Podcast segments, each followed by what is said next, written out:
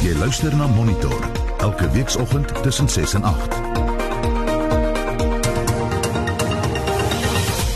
In ons program die minister van Finansies Titumbweni gebruik 'n Bybelse idioom in sy noodbegrotingsrede en sê Suid-Afrika kies die smal weg na saligheid. We want to go through the path of sustainability and go through the narrow gap. The cabinet, under the leadership of President Ramaphosa, has found the narrow gap gate. Government shall go through it. Government will narrow the deficit in 2023-24. En Suid-Afrika se termyn op die Verenigde Nasies se Veiligheidsraad het verstryk te midde van woedende wetywering tussen Djibouti en Kenia vir een van die twee Afrika setels. Ons het baie komplimente gekry vir die manier waarop ons die VN se Veiligheidsraad bestuur het in Oktober laas jaar. Elke lid, selfs die nie permanente lede, kry 'n maand wat hulle die presidentskap het van daardie Veiligheidsraad. Goeiemôre, ek is Gustaf Greiling. En my naam is Anita Visser. Welkom by Monitor.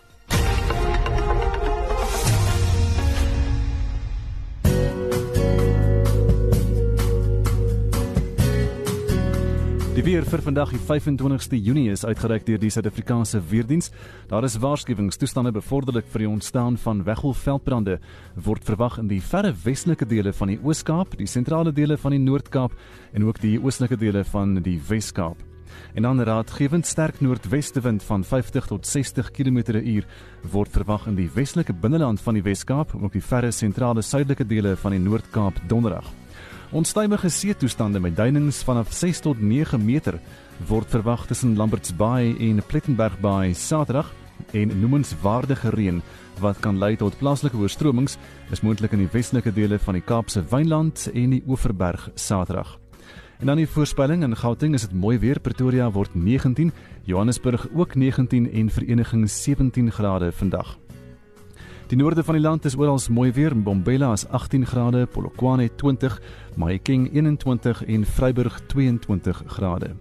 Die Vrystaat en die Noord-Kaap ook mooi weer. Bloemfontein word 20 vandag, Kimberley 23 en Appington 25. Die Weskaap meestal bewolk. Die wind is taamlik sterk tot sterk noordwes, 18 in Kaapstad en 29 in George waar dit mooi weer gaan wees met 'n matige noordwestewind wat wes raak in die namiddag. Die Ooskaap is mooi weer, die wind is matig tot taamlik sterk noordwes. Dit word matig suidwes vanaf die laat aand.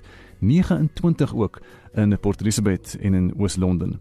En dan aan die ooskus, mooi weer, die wind matig noord tot noordoos in KwaZulu-Natal, 26 in Durban, 25 in Richards Bay en 26 in Pietermaritzburg. En dis dan die weer uitgereik deur die Suid-Afrikaanse Weerdiens. Vir nog inligting kan jy gaan na hulle webwerf weathersa.co.za. Die finansiële aanwysers op moneyweb.co.za gistermiddag na die begrotingsrede toe nou het die JSE se indeks van alle aandele taamlik laag gesluit 1,85% in die rooi op 54448 punte en is veral die Hulbron indeks wat uh, veld verloor het 2,41% laer die nywerheidsindeks 1,8% laer finansiëel 0,97% laer en die goudmyn indeks so teen 0,6% laer. Die top 40 uh, verloor in, in in die proses 1,95%. Kommoditeitspryse vir môre goud staan op 1762 dollar en 16 sent per fyn ons. Platinum 801 dollar en 50 sent per fyn ons en Brent olie nou weer so net onder die 40 39 dollar en 92 sent per vat. Die wisselkoers nou die rand teen die Amerikaanse dollar is R17.45 teen die euro is dit R19.63 en 'n Britse pond kos vanmôre R21.66 en is die finansiële aanwysers op monitor.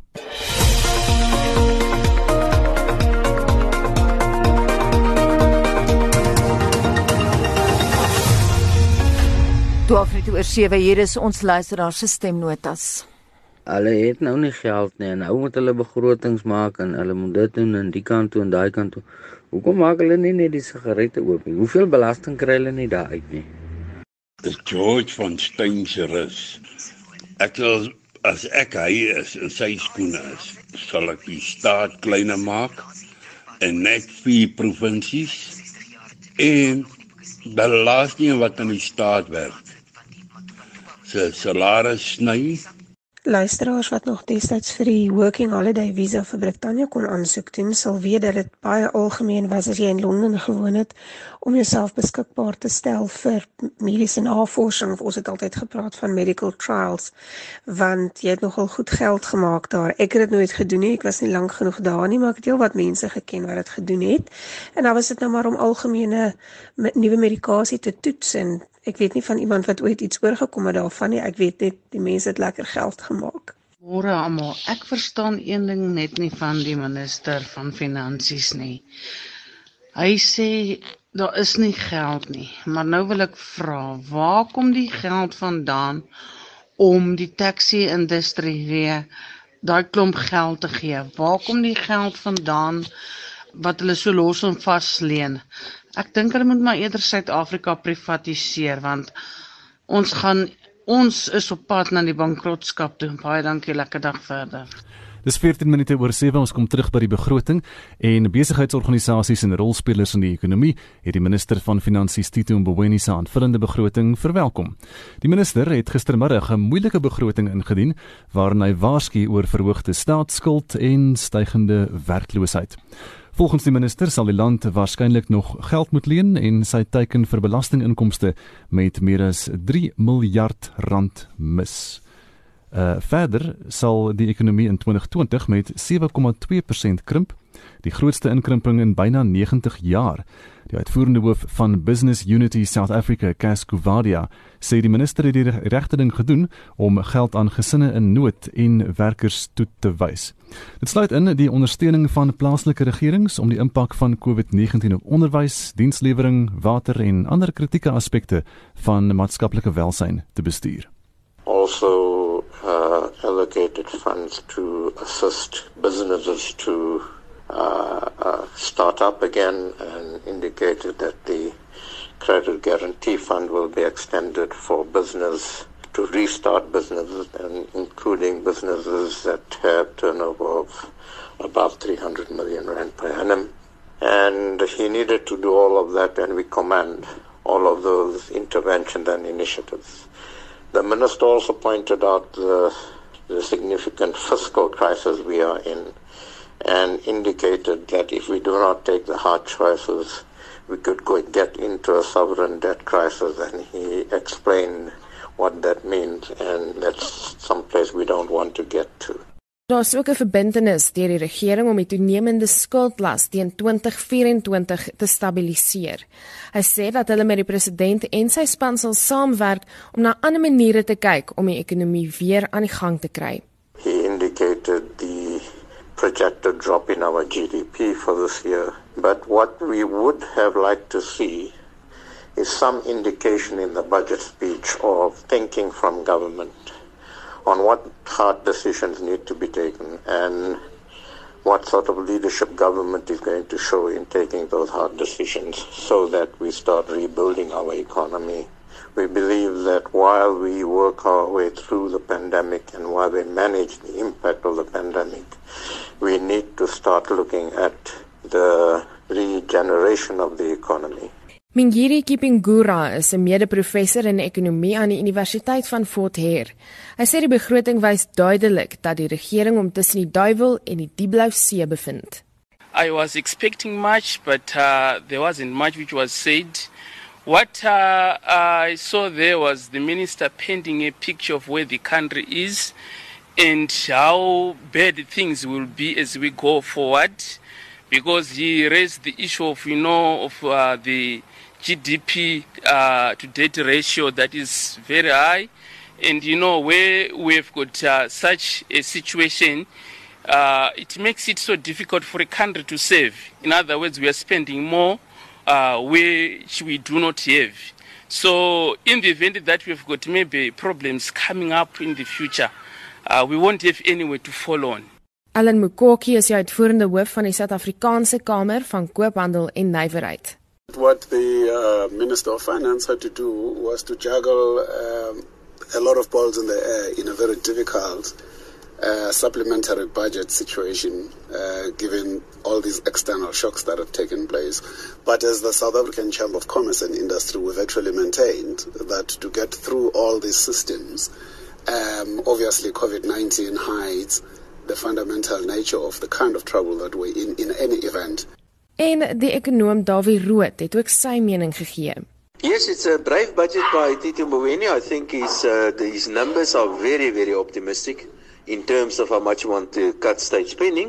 So the real question is not the budget, what I think of the budget. I think it's very good if, we, if it can be implemented. The real question is will he be allowed to implement that? Because I'm not so sure he's got all the support from his colleagues, certainly not from Praveen Gordon. I'm not so sure from the president. And, I, and I'm very sure that Kusato is not going to like what's going to happen over the next couple of years. But yeah, good luck to him. Dit was die ekonom Dawie Rood wat daardie bydrae van Amina Akram afgesluit het. Ek is Marlene Forsie vir SAK nuus. En ons bly by die aanvullende noodbegroting. Ons praat met professor Dirk Kotse van Unisa se departement politieke wetenskap. Môre Dirk. Goeiemôre Anita. En met die hoofekonoom van die Efficient Groep Dawie Rood. Goeiemôre Dawie. Uh, Goeiemôre Anita. Ons het nou net na jou geluister. Jou vraag is will he be allowed to do it? Die goeie nuus vir jou is die punt wat hy gemaak het is 'n reuse vermindering van staatsbesteding. Jy het die woord gisteraand gebruik, 'n drakoniese vermindering van die besteding. Hoe gaan hy dit dan regkry daarmee? Ja, laat ek miskien net die syfers noem so uh, Anita verdui en sê wat hy beplan om te doen. Hy beplan om staatsuitgawes. Onthou staatsuitgawes deel ons gewoonlik in twee dele. Die rentekomponent waaroor hy nie 'n sê het nie. Hy moet rente betaal en dan 'n diskresionêre gedeelte. Dit is die oorblywende gedeelte. Nou hy beplan om hy diskresionêre gedeelte van hierdie jaar tot volgende jaar met 100 miljard rand te verminder.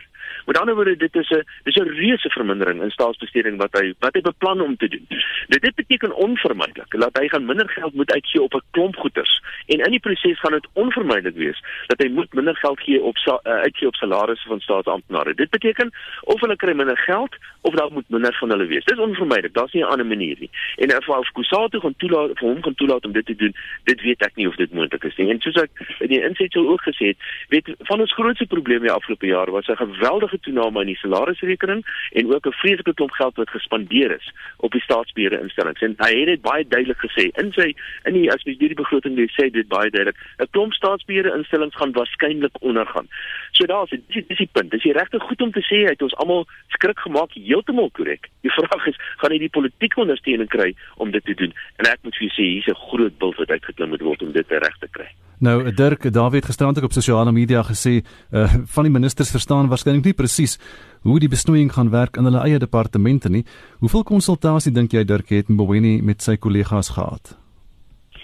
Wel, as ons kyk na die teks en ek dink dat daar twee tekste waarna ons moet kyk. Die een is die toespraak wat ons gister gehoor het. Die tweede een is die is die oorsigdokument. Ehm die supplementêre begrotingsoorsigdokument wat wat baie meer detail, besonder baie meer detail het, vol grafieke en so voort.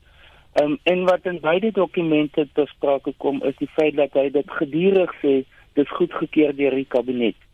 Wat vir my totaal uitstaan ehm um, in hierdie opsig is die feit dat hy sê die tesorieplan van einde verlede jaar wat genoem is die uh, towards an economic uh, strategy for South Africa wat toe beskou is as hoogs kontroversieel dat dit deur die kabinet goedgekeur is.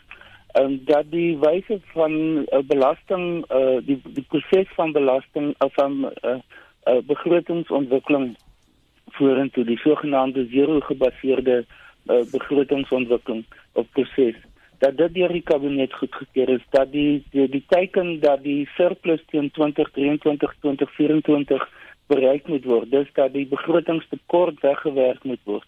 Dat dit deur die kabinet goedgekeur is en sodat die een na die ander punt aangegaan. Ehm um, dat dit ook deur die verskillende komitees uh, reeds uh, na gekyk is.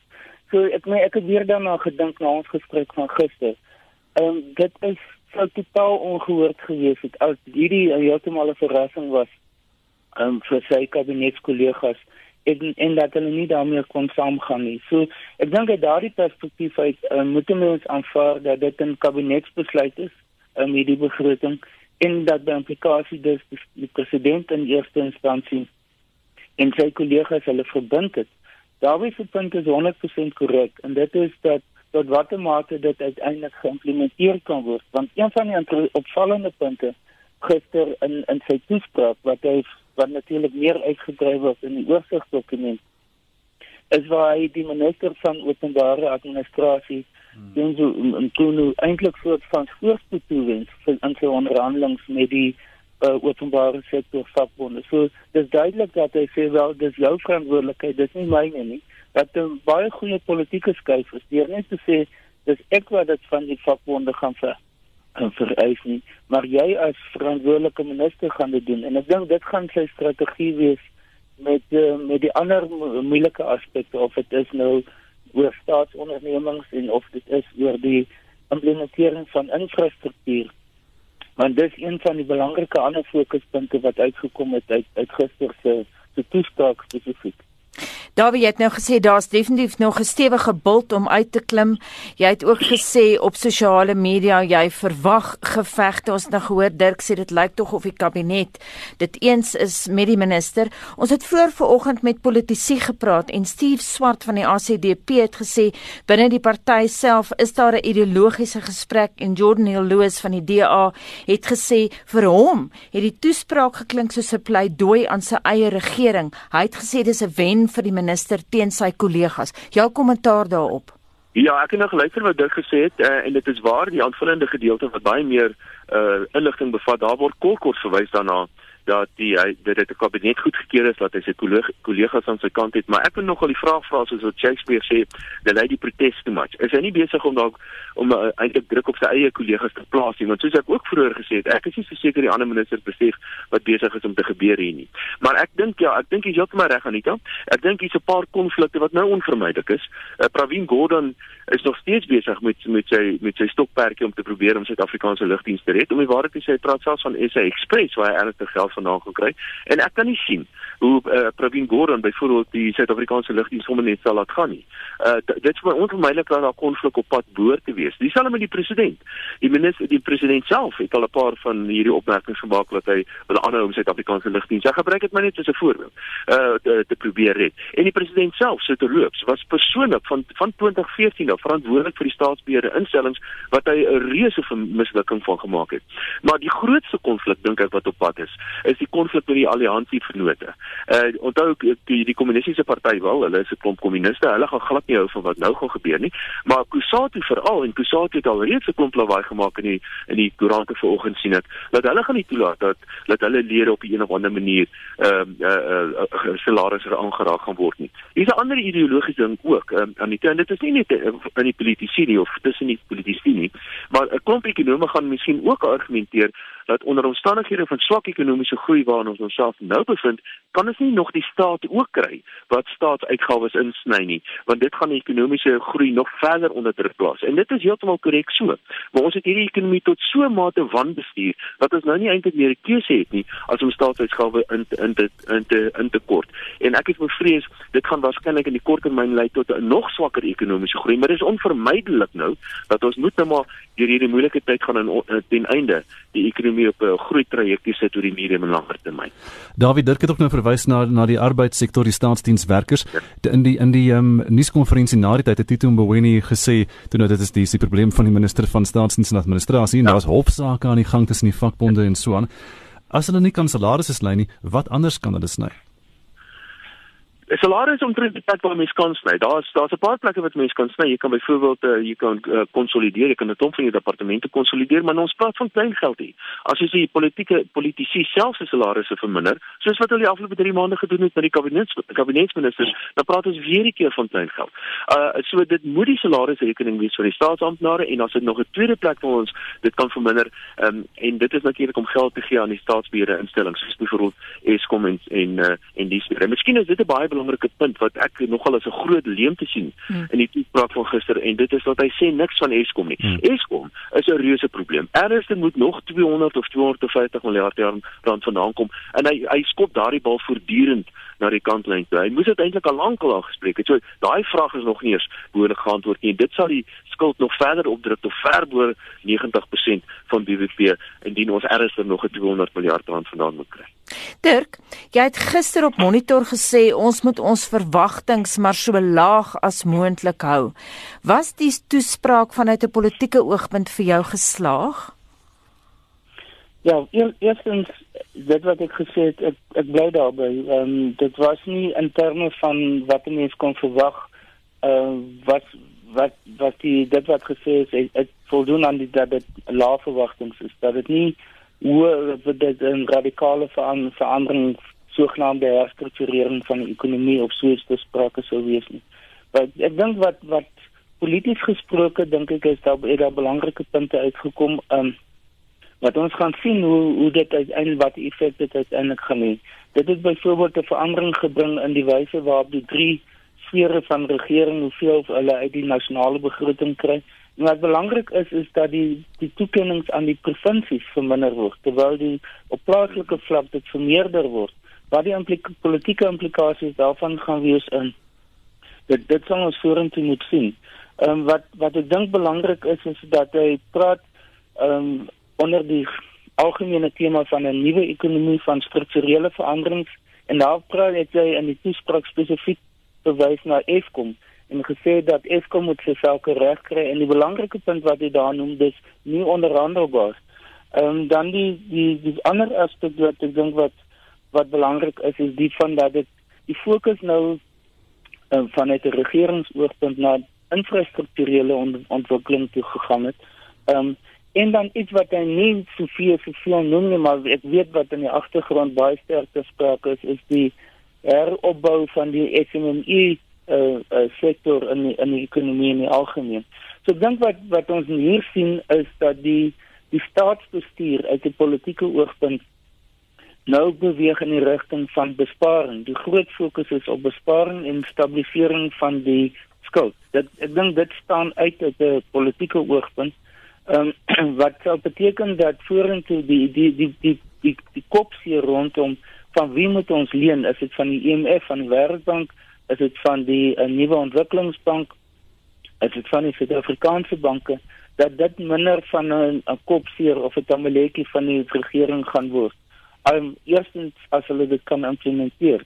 Ehm um, tweedens gaan dit wees hoe om intern 'n baie meer gefokusde staatsbestuur tot stand te bring wat dus op zero gebaseerde belasting ehm um, prosesse ehm um, gefokus is. Wat gaan beteken dat um, ministers gaan baie gaan ander vrae moet vra uit 'n politieke oogpunt ook. Um, as wat hulle tot dusver oor die bestuur van hulle eie departemente. Um, en dan om terug te kom na na Dawie se punt oor die alliansie, ek dink wat ons hier sien is in 'n groot mate die einde van die alliansie in die in die not nie in 'n amptelike sin nie, maar in die sin van wat die alliansie invloed gehad het in besluitnemingsprosesse. Die kommunistiese partye het dit reeds oor tyd verloor. Ehm um, as jy mens kyk hoe die ministers komende uit die partye, uit die uh, SLKP en 'n sekere sin gekoopeer is om veral uh, departemente soos handel en en uh, nywerheid en openbare ondernemings en hoër opvoeding om dit te bestuur. Ehm um, terwyl Kusatu het soveel van hulle lede verloor, hulle bedingings mag is gehalveer. Al wat oorbly van Kusatu is eintlik die openbare sektor uh, vakbonde, maar die private sektor vakbonde byvoorbeeld in die mynwese en uh, op ander terreine, die feit dat Nomsa nie meer deel van Kusatu is nie, het 'n massiewe groot deel van hulle bedingings mag verloor um, as gevolg daarvan. En ek dink ons gaan nou dit sien waar hulle daardie af afskaling of afgradering van Kusatu in 'n groot mate in die openbaar gesien gaan word. En daar waar hierdie wat wat Dirk nou sê van die, van die van die van die vennote in die regering, ja. um, wat so hulle belangrikheid wat verminder word, is dit 'n goeie is dit goeie nuus vir die ekonomie, Absoluut. vir die geld sake. Absoluut. Ja, Daar's 'n paar uitstaande sake wat wat ons op 'n manier moet oplos. 'n Paar uitstaande konflikte uh, wat op 'n of ander manier in die oop te gedruk moet word. Een daarvan is 'n leierskapkonflik. Ons moet vasstel wie is nou eintlik in beheer van die ANC. Die tweede konflik is 'n ideologiese konflik en dit word uiteindelik nou maar gedruk in 'n rigting want die geld is nou klaar en nou moet ons begin verantwoordelikheid verantwoordelik optree. En dan die derde konflik is binne die alliansie. Dan moet 'n konflik kom met georganiseerde arbeid, veral Kusatu en Dirk is heeltemal reg Kusatu vandag is nie eintlik meer die huis van die werkers soos wat dit was in die verlede nie. Kusatu vandag verteenwoordig eintlik die staatsdiens. So mense het die onhoudbare situasie waar jy staat sien saam met die regering in die regering het wat die staatsdiens bestuur. Dit kan nie so aanhou nie. So daardie konflik, dis alles konflikte wat ons moet op 'n of ander manier moet ons oplos en ek het 'n vermoede ons gaan dit waarskynlik binne die volgende klompie maande sien. Ek stem heeltemal saam met Dirk. Ek dink dit op 'n manier is hierdie die einde van die alliansie. Davie baie dankie. Davie Rood is die hoofekonoom van die Efficient Groep en professor Dirk Kotse is van Unisa se departement van politieke wetenskap. Jy luister na Monitor elke weekoggend tussen 6 en 8. Sopas half 8 in die nuus die inkomste diens onderneem om ondanks die COVID-19 pandemie om toe te spits op maatskappye en individue wat nie hul belastingverpligting nakom nie. Die Hooggeregshof in Lesotho lewer vandag uitspraak oor of die voormalige eerste minister se vrou op borgtog vrygelaat moet word. En Suid-Afrika se termyn op die Verenigde Nasies se Veiligheidsraad het verstryk te midde van woedende wetywering tussen Djibouti en Kenia vir een van die twee Afrika se setels. Ons het baie komplimente gekry vir die manier waarop ons die VN se Veiligheidsraad bestuur het in Oktober laas jaar. Elke lid, selfs die nie permanente lede, kry 'n maand wat hulle die presidentskap het van daardie Veiligheidsraad. Bly ingeskakel. Jy stel nie die testament op omdat jy beplan om vroeg te vertrek nie. Dis nie wat ek bedoel. Eh, moet jy nie plan nie. Ek's nog lank nie gereed om te vertrek. Dan maak die ou baas my lewe moeiliker by die dag. Oh, pain in my leg has become quite unbearable. Ons kan God nie blameer vir ons kwale nie. Nee, ons blameer tyd. Erware. Ella se perde deur Charles Jefouri vanaand om 8uur in Radioteater met onder andere Johan Nel, Juanita Swanepoel en Andrei Samuels. Die regisseur is Johan Rademan. Daar is geen verkeer. En in hierdie stadium 'n botsing op die N12 ooswaarts in Johannesburg by die R554. Wees versigtig in daardie omgewing. Dan is daar 'n botsing ook N12 sê dit uh, tussen Protea Glen en Lenasia. Uh, die verkeer staan dan ook stadig staan dan ook terug daar op die N12. In Pretoria verkeersligte buite werking in die middestad by hoek van Nana Sita en Sophie de Bruin daar is puntsmanne aan diens in daardie omgewing. Daar's 'n botsing gewees in Kaapstad op die N2 inwaarts na Jakes Gerwel, maar al die bane is oop en dit lyk of die verkeer vloei daar vanmôre. Heel wat verkeersligte buite werking in Pretoria, maar daar is wel puntsmanne aan diens in daardie omgewing. En uh, dan is daar ook 'n voertuig wat staan op die N1 suidwaarts net voor Bekloo. Die linkerbaan is versper in daardie omgewing. En dan is daar in KwaZulu-Natal op die N3 ooswaarts na die Camperdown wisselaar 'n uh, voertuig wat daar staan, die pad is versper, die noodbaan is definitief versper. So wees versigtig daar op die N3. As jy weet van enigiets anders, stuur vir ons 'n SMS na 45889 teen R1.50. Vincent Anita, die volgende stemnotas is duidelik dat mense nie beïndruk is met finansies minister se begroting gisteraand nie. Goeiemôre Johan vir die syde van Johannesburg. Ons praat oor die ekonomie, besparing, maar dan het meneer Lesofie toegelaat dat hulle amper 16 miljoen rand of wat ook al spandeer aan Jojo tankies wat nie naaste by daai pryse uitkom nie. Hoe werk die mense met die tenders? As dit so gaan bly werk, gaan die mense mos in elk geval net bly steel en bly steel. Ek wonder wie se familielid is bevoordeel deur daai tender toe te staan en hoe daai tender prosedures gewerk om op daai bedrag uit te kom vir daai klein tankies. Hoe hoekom word dit nie opgevolg? Hoekom word daai persoon nie gekry wat daai tender toegestaan het nie? Of is dit maar net nog 'n kader wat beskerm word? Goeiemôre, my naam is Steve se truckdrywer net sê die president maar by die minister vir gesondheid daai Lamini Zuma wat sê hom hof te vat dat sy raai miljoene wat sy van die van die rokers weghou het wat in land kon uitgehelp het dat sy met Paul staan af dat sy laat daai dag vaar vir daai geld. Dat hy sigarette teruggebring dan dan was daar klop klop miljoene rand wat die staat wat die staat kon gehad het. Maar nee mense dink hulle is slim. Is nie altyd so slim nie Lekker dag en dankie vir al die omroepers. Totsiens. Ek hoop nie ek offend enigiemand om dit te sê nie, maar ek hoor net al hierdie kommentaar wat die Afrikaanse mense op die nuus sê uh en ek voel net mense is verskriklik negatief. Goeiemôre RSG. So ek dink as daar instof is, ehm um, en ons kan dit toets, dan moet ons dit doen. Ehm um, Ehm um, was dieselfde gewees met antibiotika en dit was dieselfde gewees met enigiets anders. Ek dink ons probeer dit. En op die eerste vraag en op die tweede ene ehm um, ek uh, ek luister na die goed en dan dink ek ou verstaan ehm um, ons is half verras hierdeur oor ehm um, oor wat uh, die minister van finansies nou eintlik deurgegee het en so voort. Ons het dalk erger verwag. Maar ons kyk na die goeters en ons kyk na die regering en ons is al verbaas of ons is al verras. So asof dit 'n nuwe ding is. En ehm um, ek dink dat dit is soos ehm um, dit moet ons net nie verbaas nie. Ehm um, ek dink ons het ons kry presies dit wat ons gedink het. Dis nou 22 minute voor 8 jy luister na Monitor op RSG. En wêreldwyd is daar nou sowat 120 inentingsprogramme op dreef om die gevreesde COVID-19 siekte te voorkom. In Engeland word 'n tweede middel nou op mense getoets en Marlene Forsie sluit nou by ons aan met meer besonderhede. Môre Marlene. Môre Gustaf, minstens 300 mense gaan die enstof in die komende weke by die Imperial College in Londen ontvang. Toetse wat op diere gedoen het of eerder gedoen is, toon dat die middel veilig is om te gebruik en die immuunstelsel suksesvol aanspoor om weerstand te bied. Wil net gou byvoeg, um, in Suid-Afrika is ons ook een van die lande wat dit doen en ons gaan later vanmiddag in Spectrum meer daaroor gesels.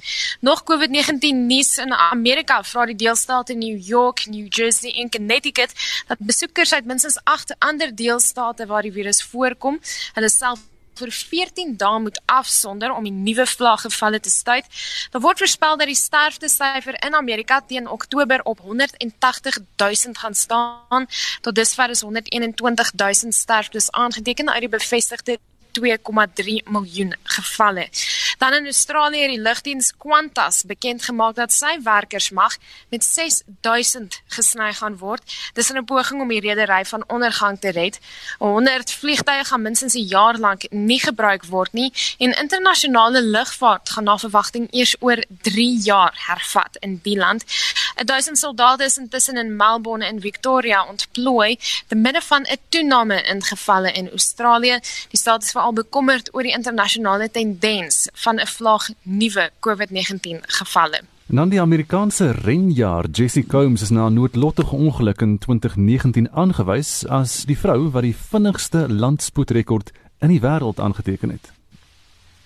En dit het nou net onlangs gebeur, die aanslag op die rekord het in die Alfred woestyn in die deelstaat Oregon plaasgevind. Nou Combs is die eerste om die rekord hier in meer as 40 jaar te verbeter teen sowat 841 km/h. Ons sluit af met uh, nuus uit Afrika, 'n kleinskaal myner in Tansanië het oornag 'n miljonair geword na die land se grootste twee Tanzaniet gesteentes verkoop het. Sunny New Lizer het 59,2 miljoen rand vir die gesteentes ontvang wat gesamentlik 15 kg weeg. Tanzanië kom slegs voor in die noordelike gedeeltes van die land en is een van die skaarsste edelgesteentes op aarde. Nou die pa van 30, jy reg oor 30, beplan om 'n skool en 'n winkelsentrum in sy dorp op te rig. Marlene Forsie met vanoggend se wêreldnuus. En ons bly by internasionale nuusgebeure. Suid-Afrika se termyn op die VN Veiligheidsraad het verstryk te midde van woedende wetywering tussen Djibouti en Kenia vir een van die twee Afrika setels op die raad. Maar hoekom sulke intense gevegte oor 'n posisie wat slegs 2 jaar lank duur? Professor Jolande Spies was vir 18 jaar 'n diplomaat en gee nou klas in internasionale studies en diplomatie aan die Zayed Universiteit in Abu Dhabi. Sy het gister aan Monitor verduidelik hoekom sitting op die Veiligheidsraad so gesog is. Anita, die Veiligheidsraad is die magtigste politieke instelling in die wêreld. Die VN se Veiligheidsraad het 15 lede. Vyf van hulle is permanente lede. Dit is die VSA, Rusland, die Verenigde Koninkryk, Frankryk en China. Dan is daar 10 lede wat nie permanente setels het en hulle dien 2 jaar termyne. Hoeveel invloed kan jy uitoefen tydens 'n 2 jaar termyn? Jy kan baie invloed uitoefen want jy is in die geselskap van groot kanonne. Jy sit elke dag in vergaderings met hulle. Dit wat mense van die kantlyne af sien, is nie noodwendig die hele prentjie nie. Die nie permanente lede sit elke dag in vergaderings met hierdie vyf kernkragmoonthede en besluit oor die wêreld se vrede en veiligheidssituasies. Hulle het toegang tot hulle. Hulle kan met hulle praat oor ander sake ook, oor ontwikkelingsake. Hulle kan hulle in hulle netwerke intrek. Die blootstelling wat hulle ervaar en die geleentheid wat hulle het om hulle stemme te laat hoor is iets wat onoortreffelik is in enige ander forum want die veiligheidsraad is die hooftafel van globale politieke regering. Ja, Suid-Afrika was al sedert 94 het Suid-Afrika vir 3 termyne gedien op die Veiligheidsraad 2007 na 8, 2011 na 12 en 2019 na 2020. Hoe het ons gevaar oor die algemeen sou jy sê?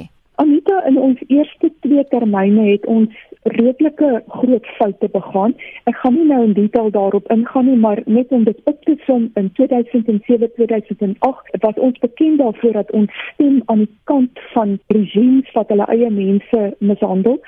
In 2011 het ons gestem ten gunste van die VN se militêre ingrype in Libië. Dit is 'n besluit wat ons later bitter berou het.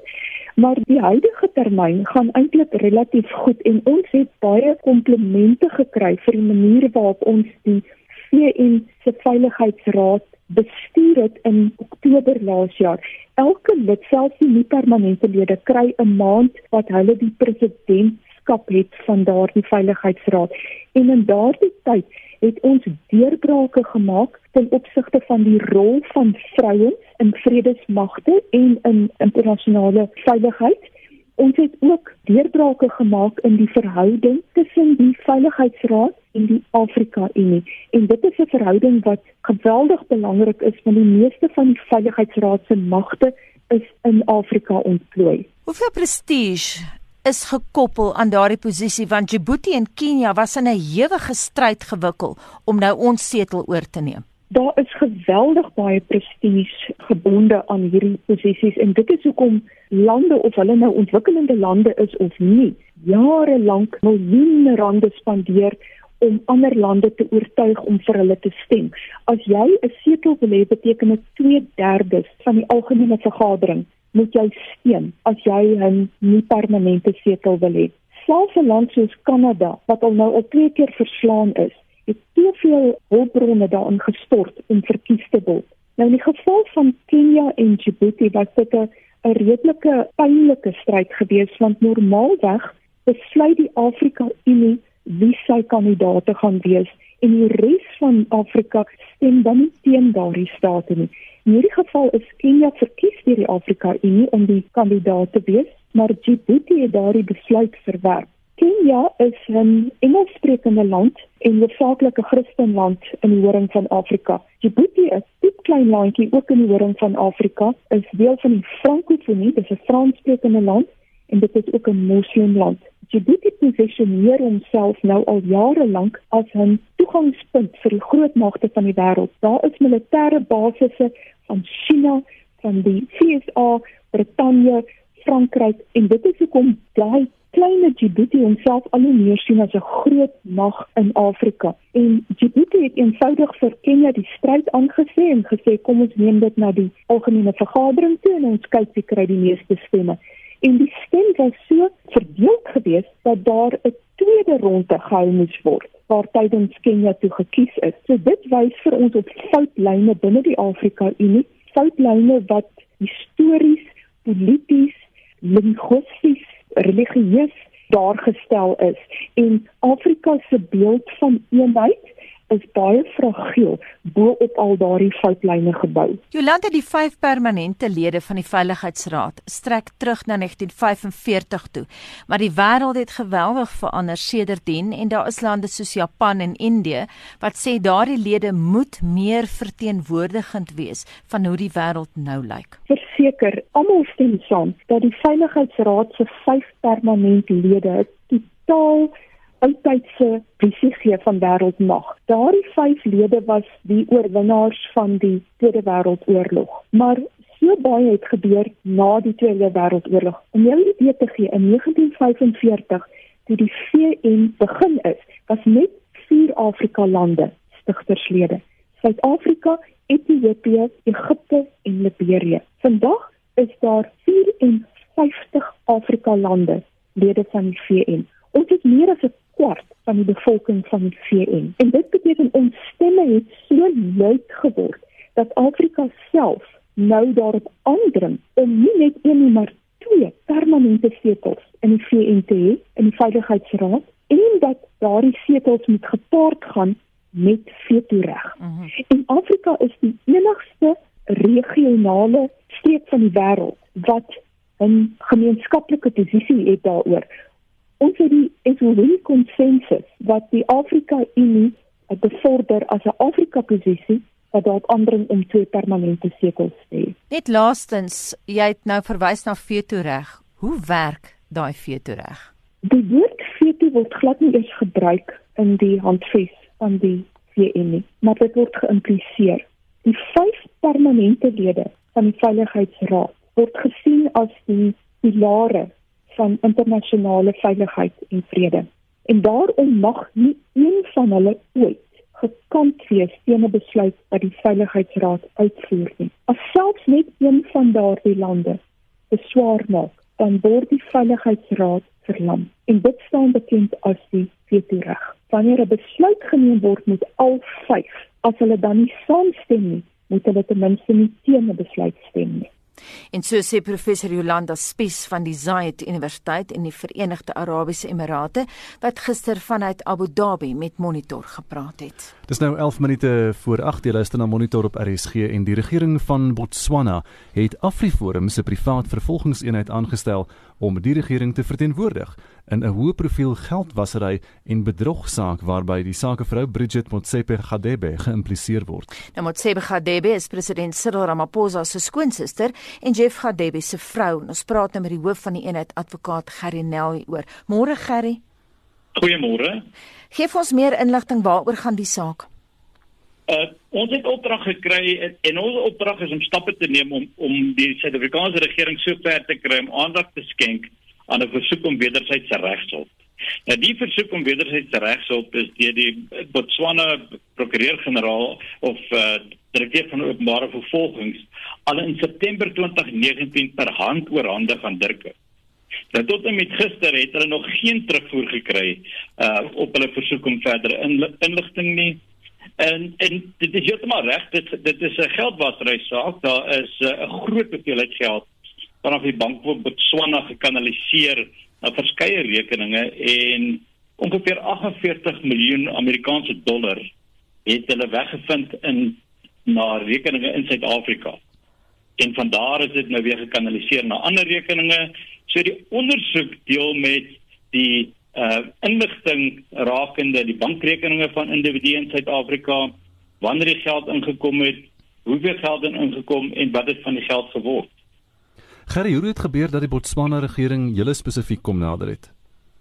Ons het dit gedoen wat hulle kan. Ehm um, die die aansoek is al in in ehm um, September verlede jaar uh geleaseer Daarna was daar verskeie interaksie met uh, amptenare, amptenare van die departement van justisie, amptenare van die nasionale vervolgingsgesag en daar was net geen uh, terugvoer oor hierdie aansoek nie. So hulle moet sekere diplomatieke kanale volg en hulle was so redelik. Hulle het net voor hulle op dieselfde dag wat hulle met ons gekonsulteer het met advokaat Shamila Batoy ontmoet en vir aangedui dat hulle weet nou nie meer wat nie, hulle kry geen antwoorde nie en hulle gaan iemand aanstel. So hulle het op daai dag nog probeer uitvind of is daar antwoord op hierdie versoek. Nou daar word gepraat van 'n staatsgreep. Waaroor gaan dit? Ehm um, ek ek kan nie te veel oor die oor die minute sê nie. Ek kan my net uitlaat oor my opdrag. Hmm. Nou my opdrag is om seker te maak dat ons regering voldoen aan hulle ehm um, oor die, aan alle aan die internasionale ooreenkomste en verdra oor die verskaffing van wederwysige regshulp En ehm um, dis waaroor ek net myself moet toespits as daar verdere stappe gaan gebeur waaraan ek betrokke is, dan sal ek seker daarmee deel. Maar vir nou is is dit ons hoofoogmerk. Ons moet net toesien dat die inligting verskaf word. Dit is nogal belangrik, ja. nie net vir ondersoek nie, maar daar's 'n saak in die Broadway uh landroskantoor in Gaborone wat ook afhanklik is van hierdie inligting. So hierdie inligting is nie net nodig om die groter ondersoek verder te dryf nie, maar vir 'n saak wat nou reeds op die rol is in Gaborone. En volgens jou, hoekom is ons eie departement van internasionale betrekkinge dan nou afwesig in die proses? Ehm um, laat ek liewer sê wat my kliënte doen. My hmm. kliënte neem 'n paar faktore in ag. Hulle neem in ag dat dit nou al 9 maande is. Die uh, direkteur van openbare vervolgingsadvokaat Karegosi, uh, Tiria Gosi, vir sy vrou verskoning, was op ons uh die media konferensie en hy sê daar word baie van, van hierdie tipe aansoeke gebring en dit geniet altyd vinnige aandag. Hierdie is die een wat lank vat. So wat weet ons van hierdie een? Ons weet wie word hier geïmpliseer, ons weet van familiebande en ons weet van politieke bande. Mm. Nou jy dit alles bymekaar sit, dan maak jy een afleiding mm. en dit is dat die onvermoë onwilligheid doelbewus is. Harry, hoe gaan jy die saak benader? Ons het nou reeds 'n brief geskryf aan die direkteur-generaal van Dirkou. Hulle het teruggekom na ons toe, gesê hulle gaan binne 7 dae 'n uh, antwoord. Nou van daar af, dis wat dit ingedien is. So van daar af moet ons nou maar die stappe volg. As hulle vir ons aandui hulle dit aan die departement justisie oorhandig, dan gaan ons soheen toe. Uh maar ons uh, opdrag is duidelik. Ons moet alle stappe neem wat nodig is om toe te sien dat hierdie inligting verskaf word selfs al moet ons ons howe nader. En waar gaan die saak aangehoor word? Dit dit sal in Botswana wees. Hier is 'n hmm. is 'n ondersoek deur die owerhede in Botswana. Dit is gedoen by die uh Bank van Botswana. So dit is waar dit aangehoor sal word en dit is waaroor die inligting versoek word. Gerry Bey, dankie. Dis die hoof van AfriForum se privaat vervolgingseenheid, advokaat Gerry Nel. Die tennister Novak Djokovic is die jongste atleet wat positief getoets het vir die koronavirus. Hy word skerp gekritiseer deur spelers en aanhangers nadat hy en drie ander spelers verlede week die virus by 'n glanstoernooi in Kroasie opgedoen het. Ongelukkig vir sportgeesdriftiges neem die risiko vir infeksie toe, soos wat meer sportsoorte na die COVID-19 inperking hervat word. Die nommer 1 gekeerde Djokovic het Dinsdag erken dat hy en sy vrou Jelena positief getoets het vir die koronavirus. Borna Koric van Kroasie, Grigor Dimitrov van Bulgarië en Djokovic se landgenoot Viktor Troicki het ook positief getoets na hulle verlede naweek aan Djokovic se Adria Tourglanstoernooi in die Balkanstreek deelgeneem het. Die sterweer is deur toeskouers en spelers veroordeel. Die Brit Andy Murray is een van die senior spelers wat sê dit is nie 'n verrassing dat so baie spelers die virus opdoen nie. Seeing some of the images and the videos like at the players party and like the kids day and things there was no social distancing and things like that in place and we're trying as best as we can here to do everything properly and everyone is from what I've seen is re respecting the rules Andy Murray wat reeds 3 keer 'n Grand Slam toernooi gewen het, sê hy hoop dit is 'n les vir spelers en vir toekomstige toernooie soos die Amerikaanse Ope by Flushing Meadows wat waarskynlik op 24 Augustus volgens plan sal begin. Maybe this sort of puts the US Open in doubt. It may well do, but the measures and the protocols that they have in place so far at the USTA is, is completely different than what was going on in Serbia and, Croatia. I think all of the players now will be extremely aware that we can all be affected by this and coronavirus doesn't care who we are or what we do. And we need to, respect it and respect the rules. Daar is ook slegte nuus vir cricket en golf entoesiaste enigste. Die Pakistanse Kriketraad het bevestig dat nog 7 kriketspelers positief vir COVID-19 getoets het voor die beplande toer na Engeland. 10 spelers het nou COVID-19. Dit sluit in senior spelers soos Fakar Shaman, Imran Khan, Mohammed Hafiz, Mohammed Rizwan en Wahab Riaz, as ook die masseur van die span Malang Ali. Die Pakistani sou aan die einde van Julie na die Verenigde Koninkryk gereis het om in 3 toetse asook 3 2020 internasionale wedstryde te speel. Cameron Champ wat die Amerikaanse PGA Tour twee keer gewen het, het van die Travelers Championship in Cromwell, Connecticut onttrek wat donderdag sou begin het na hy positief getoets het. Hy is die tweede speler op die toer wat positief getoets het na sy mede-Amerikaanse golfspeler Nick Watney Vrydag positief getoets het. Maar die Engelse Premier Liga vorder goed. Die ligaleiers Liverpool het gisterand teen Crystal Palace gespeel. Daar is egter meer belangstelling in die sterk mededinging met hulle naaste teenstander Manchester City. Die Reds wat met 20 punte eerste op die lys is, speel op 2 Julie teen Manchester City en die wenner van die titel kan dan selfs aangewys word met sewe wedstryde wat nog gespeel moet word. Die bestuurder van Liverpool, Jurgen Klopp, sê daar moet nog besluit word waar die belangrike wedstryd gespeel gaan word. I would prefer it, it's at Manchester, otherwise it would be really difficult to organize it, honestly. I don't know exactly how that will be, but it will not be in Liverpool, means we have to go somewhere where we both need a hotel probably or not. We don't know how to organize it. That's a little bit the issue, but apart from that, we play where people send us to. But I don't know the, the process exactly. I wait until the final information it's confirmed. Die bestuurder van Liverpool, Jurgen Klopp, Samantha Marie, het hierdie verslag saamgestel. Mitsi van der Merwe, SAK nuus. Vincent, jy het 'n laaste kans om vir ons luisteraars se terugvoer te gee van vanoggend. Kom ons hoor gou hulle menings, hulle het lekker stemnotas gestuur Anita. Ons kan nie behoorlik kos koop nie.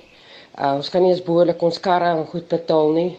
Ehm um, ons sit in so 'n situasie dat ons alles moet verloor deur die deur hierdie lockdown op die oomblik en ek meen dit is nie as hulle eerder hierdie lockdown eerder oopmaak, heeltemal oopmaak, dat alles alles weer moet uh, oopgemaak word, ehm um, sal daar geld gemaak word en goede.